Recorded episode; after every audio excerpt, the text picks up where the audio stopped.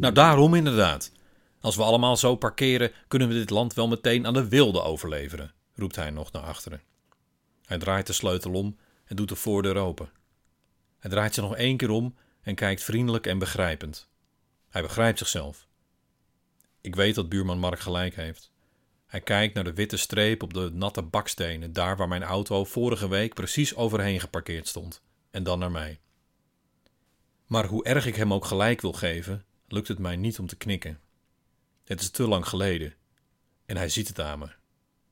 Daarbij ken ik ook Desmond en hun gezamenlijk verhaal. Hij ziet dat ik Desmond ken. Ik ken Desmond en daarom vind ik wat van buurman Mark. Buurman Mark laat zich in zijn stoel zakken. Het is tien voor half schuldgevoel. De tijden veranderen in zijn nadeel. Hij denkt niet aan mij, maar aan Desmond. Wanneer Mark nieuwe mensen ontmoet en zegt wat hij van ze vindt en hoe ze moeten leven, dan bevragen ze hem ineens over zijn voormalige vriendschap met Desmond. Toegegeven, dat was niet buurman Marks beste periode. Of eigenlijk wel zijn beste periode, een gouden periode zelfs, maar niet die van Desmond. En dan wijzen mensen naar buurman Mark, die mensen met hun vingertje, alsof hij de enige schuldige is. Heeft het nut nog sorry te zeggen voor iets van zo lang geleden? Buurman Mark had zich geroepen moeten voelen toen het nog speelde, niet nu, vindt ook Mark. Hij nipt van zijn koffie. Dark roast. Warm. Die komt ook van ver. En toch goedkoop. Iets van ver hoeft niet veel te kosten als je er gewoon weinig voor betaalt. Of niet betaalt, zeiden ze in de familie. Maar hij geniet er niet meer van. De koffie smaakt niet. Wrang is alleen lekker als het leven zelf nog zoet is. Maar mensen zijn bitter geworden, vindt hij. En ze willen dat hij hun nasmaak proeft. Het laat hem niet los. Hij is niet meer de baas, niet meer de koning van zijn eigen gedachten. Hij was de primus inter pares, de eerste onder gelijken. Dan is gelijkheid nog wel te verdragen, denkt hij. Buurman Mark wil de situatie herstellen. Hij belt Desmond op. Het is lang, heel lang geleden, maar Marks nummer staat blijkbaar nog wel in Desmonds telefoon. Desmond is verrast dat Mark belt. Mark zegt dat hij over hun verleden heeft nagedacht en langs wil komen. Komende maandag. Desmond zegt dat Mark uiteraard welkom is, maar dat maandag niet schikt. Dat hij die dag heel druk is met werk en hij wil weten waarom Mark langskomt. Dat wil Mark niet zeggen. Desmond zegt dat hij van anderen heeft gehoord dat Mark misschien zijn excuses wil aanbieden namens de hele familie. Dat vindt Desmond echt heel fijn, heel lief. Hij hoopte er al langer op. Is dat waarom Mark nu ineens langs wil komen? Dat wil Mark niet ontkennen of bevestigen, maar zal maandag ter sprake komen. Mark zegt nogmaals dat hij langskomt om het erover te hebben. Ik heb het gevoel dat deze periode heel bepalend is geweest, ook voor hoe het nu met ons beiden gaat, zegt Mark. Dat denkt Desmond ook. Maar maandag komt hem gewoon heel slecht uit. Elke dag later die week kan wel. Maar dan komt hij niet, legt Mark uit. Hij komt komende maandag. Desmond heeft nog het weekend om zich erop voor te bereiden. Het is een speciale datum, komende maandag. Desmond zegt dat hij niet weet waarom het een speciale datum is en Mark wil het hem ook niet uitleggen. Het is speciaal omdat Mark die dag langskomt. Als het zo moet, dan wil Desmond misschien geen excuses, zegt hij. Mark zegt dat hij hem begrijpt. Zo staat hij er immers zelf ook in. Excuses zijn belangrijk, maar de manier waarop moet ook bij Mark zelf passen. Ik begrijp de geschiedenis die we samen hebben, maar ik kom toch, anders duurt dit te lang, zegt Mark. En het komt hem wel goed uit. Het is maandag. Desmond doet de deur niet open.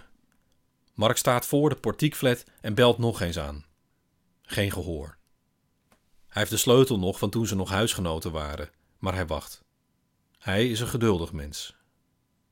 Het was Desmonds flat. Mark trok bij hem in, maar Mark betaalde meer huur. Daarom vond Mark dat Desmond al het huishouden moest doen. Desmond vond van niet. Het begin van de ruzie. Van onbegrip. Mark begreep hem wel, maar Desmond Mark niet. Mark had toen gewoon veel meer geld, dus kon hij meer bepalen. Je moet het zien in de context van die tijd. Uiteindelijk zou Mark hem geslagen hebben, zegt men. Dat zou kunnen. Daarna namen ze een schoonmaakster, dat gaf rust. En Mark verkocht Desmond spullen om haar te betalen. Dat had hij, achteraf gezien, hem vooraf kunnen vertellen. Desmond wilde ze later terugkopen en raakte daardoor in de problemen. Maar daar wil Mark het vanavond niet over hebben. Het gaat nu best goed met Desmond. Hij heeft bijna geen schulden meer. Mark roept richting de tweede verdieping. Waarom wil je niet met me praten, Desmond? Dit doet me pijn. Ik wil vrienden zijn, Desmond, roept hij. Het licht in Desmonds keuken gaat uit. Mark roept het nog vier keer. De onderbuurvrouw doet haar gordijnen open. Mark roept iets in het, hoopt hij, Surinaams. Lobby, Desmond! Lobby! Inmiddels is Desmond sterker dan Mark, groter ook. Hij heeft meer zelfvertrouwen gekregen. Maar Mark heeft twee anderen meegenomen die Desmond niet kent. Die twee anderen willen hun excuses niet aan Desmond aanbieden. Dat hoeft ook niet, ze kennen hem niet. Toch zijn ze boos. Ze willen ook niet dat Mark zijn excuses aanbiedt. Ze vinden het te lang geleden. Maar ze gingen graag mee. Met een ruk doet Mark de voordeur open en rent naar binnen. Het huis ziet er anders uit dan vroeger, maar grotendeels hetzelfde. De meubels zijn nieuw, maar kunnen alleen op de plek van de oude staan, omdat er geen andere opstelling mogelijk is dan die zij toen maakten. Het verleden bepaalt de speelruimte voor een toekomst. De lichten staan allemaal uit, maar Mark weet waar hij moet zijn. Desmond heeft zich verstopt achter de bank. Hij ademt snel. Mark wil zijn excuses echt graag aanbieden. Hij klimt op de zitting en zegt hem gedag. Desmond draait weg en kruipt richting de keuken. Mark gaat op zijn onderrug zitten en pakt Desmonds schouders vast. Het is niet genoeg. De twee anderen, die eigenlijk helemaal niet van excuses houden, pakken zijn enkels en trekken hem terug naar de huiskamer. Desmond huilt, maar Mark praat rustig tegen hem. Mark is redelijk. Desmond wil zijn handen tegen zijn oren drukken, maar de twee anderen pakken zijn handen vast en trekken die naar achteren. Ze doen hem pijn. Sorry, Desmond, zegt Mark over zijn gehuil heen. Desmond reageert niet. Sorry, hè? roept Mark, harder, in zijn oor.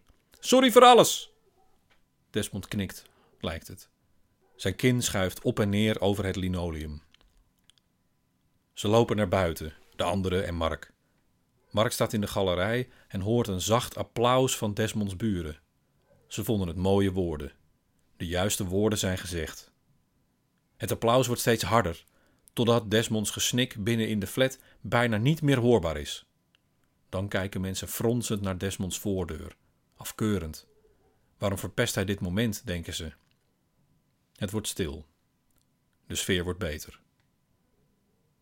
We vergeten het verleden. Nooit meer mogen we over het verleden praten. Zelfs het heden is taboe. Wie dat wel doet, is een zeur, een oproerkraaier. Die wil het niet gezellig houden. Mark wel. Desmond zegt niets meer. Hij kijkt uit het raam. Zijn lamellen schuiven naar beneden, maar blijven halverwege het raam steken. Hij sluit zijn ogen. Mark krijgt een schouderklopje van een onbekende buurman.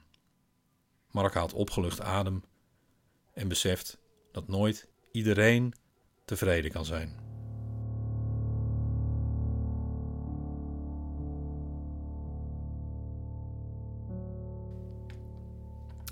En dat, dat was het verhaal Excuses voor het verleden. Stuur het vooral eens door. Naar die chagrijnige oom bijvoorbeeld, die altijd rond Sinterklaas en Katie Coty ineens zo met het schuim rond de mond begint te preken over slavernij in het Ottomaanse Rijk en andere plekken waar we niet voor verantwoordelijk gehouden kunnen worden. Of naar iemand die dit verhaal misschien wel kan waarderen, dat is ook prima. Zolang mijn sonore stem maar samen met jou hand over hand de wereld overneemt. En check ook mijn Facebook en Instagram of allebei, maar vooral ook doorklink.nl voor een kleurrijk palet aan podcasts voor elk wat wils. En tot het volgende verhaal.